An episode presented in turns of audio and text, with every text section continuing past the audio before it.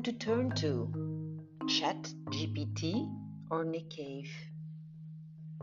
The end of the world as we know it is door ChatGPT nu werkelijk upon us, oreerde ik aan de ontbijttafel tegen mijn man. Geen antwoord. Het was een ander stemmetje in mezelf dat repliceerde. Oordelen zonder feiten, dat gingen we toch niet meer doen? Een seconde later was ik druk in de weer om een account aan te maken. Voor de schrijvers overbodig was de, ik geef toe, nogal egocentrische eerste vraag die ik Chat voor de voeten gooide. Helemaal niet, antwoordde Chat in alle bescheidenheid.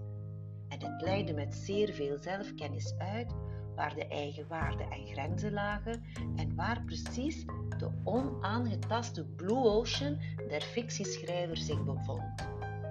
Waarin deze schrijvers tot nader order geen AI-haaien te vrezen hadden.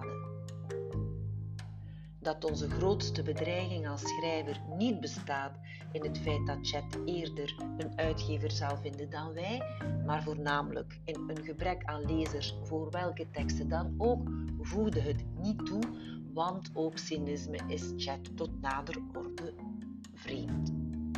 Dat viel mee. Heb je nog een vraag? vroeg het. Dat liet ik me geen twee keer zeggen. Vraagstaarten die ik ben. Ik vroeg waarom The Grapes of Wrath een Great American Novel wordt genoemd.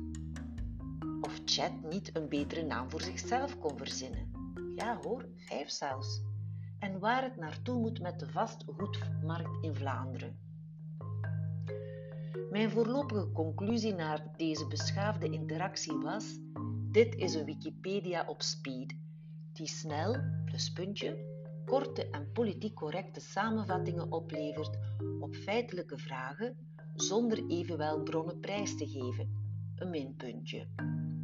Eerder te gebruiken voor oppervlakkige vragen, een eerste oriëntatie bij onderzoek, maar nog het beest als een way out aan het kerstdiner als onkel Jan en tante Anne het niet eens worden over het bouwjaar van de Eiffeltoren en je het gezeur beu bent. Antwoorden op de grote levensvragen zal chat je niet bezorgen. Het geeft je net zo goed het pad aan om van roofkapitalisme tot sociale democratie te komen als omgekeerd. In beide gevallen krijg je een vierpuntig stappenplan. De moraal moet je zelf maar uitzoeken. Gelukkig zijn er nog andere naarstige chatters op moeder aarde en daar kan je je existentiële vragen wel kwijt. Zo vroeg iemand aan Nick Cave in de Red Hand Files wat hij vond van chat.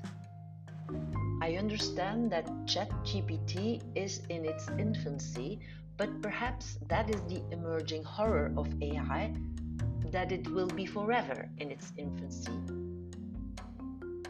Nick is geen fan. Zelf ben ik dan weer erg genoeg een van de laatste mensen die de Red Hand Files van Nick Cave ontdekte. In de eerste brief die ik las, antwoordde Cave op de vraag: Where is the joy in the world? Ik was helemaal ondersteboven van het antwoord. Cave is verlicht. Maar daarover straks meer. Als je diezelfde vraag aan chat stelt, krijg je dit.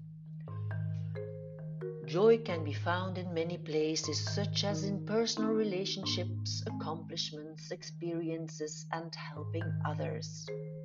It is also a state of mind and can be cultivated through mindfulness and positive thinking. Ultimately, joy is subjective and can be experienced differently by each individual.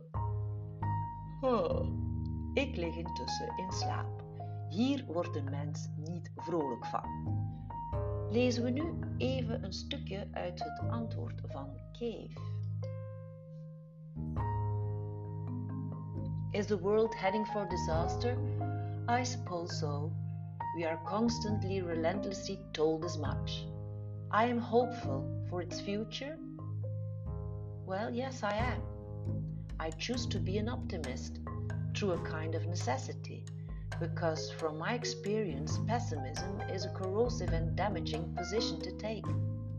One that casts its shadow over all things, causing a kind of societal sickness a contaminant that ultimately amplifies and glorifies the problems it professes to harbor. Dus wat wordt het voor jou als het over de grote levensvragen gaat? Chat of cave? Ik denk dat we hier klaar zijn. Maar hoe moet het nu verder? Ik zou zeggen, fear not yet. Het zal met ChatGPT en AI wellicht zijn wat het altijd is. We, er zullen goede toepassingen komen en kwalijke. Mensen zullen het aanwenden voor doelen waarvoor het niet bedoeld is. Het zal bijgevolg ten onrechte misbruikt worden en ten onrechte gedemoniseerd. Wie moeite doet, zal er misschien van genieten op een gezonde manier en er, en er plezier aan beleven. In een razendsnel veranderende wereld kunnen wij, zo vermoed ik, ons niet redden door ons klakkeloos aan te passen. En ook niet door angstig weg te kruipen. We kunnen alleen maar blijven werken aan het opbouwen en versterken van ons eigen interne referentiekader. Dat betekent zelf nadenken, wars van devotie en wars van angstige emotie, soeverein en vrij van vooroordelen in welke richting dan ook. Daartoe kunnen we niet anders dan studeren, ons informeren, ons ontwikkelen, ons richten op joy, zoals Cave zegt, ons hart activeren als kompas en ons lichaam verzorgen als een tempel. Dat is nooit anders geweest. Telkens opnieuw is het van nul beginnen, voor ieder als klein aapje ter wereld gegooid mensenkind. Elk era heeft zijn kwalijke invloeden, vormen van slavernij, oorlog en rampen. Geblutst en vol builen staan we daar en moeten we proberen om zinnige dingen te denken en te doen. Gelukkig is de wereld ook prachtig, lieflijk, vol liefde en is er overal hulp te vinden. Leraars en peers allerhande, een hele Jacob's ladder vol helpende handen.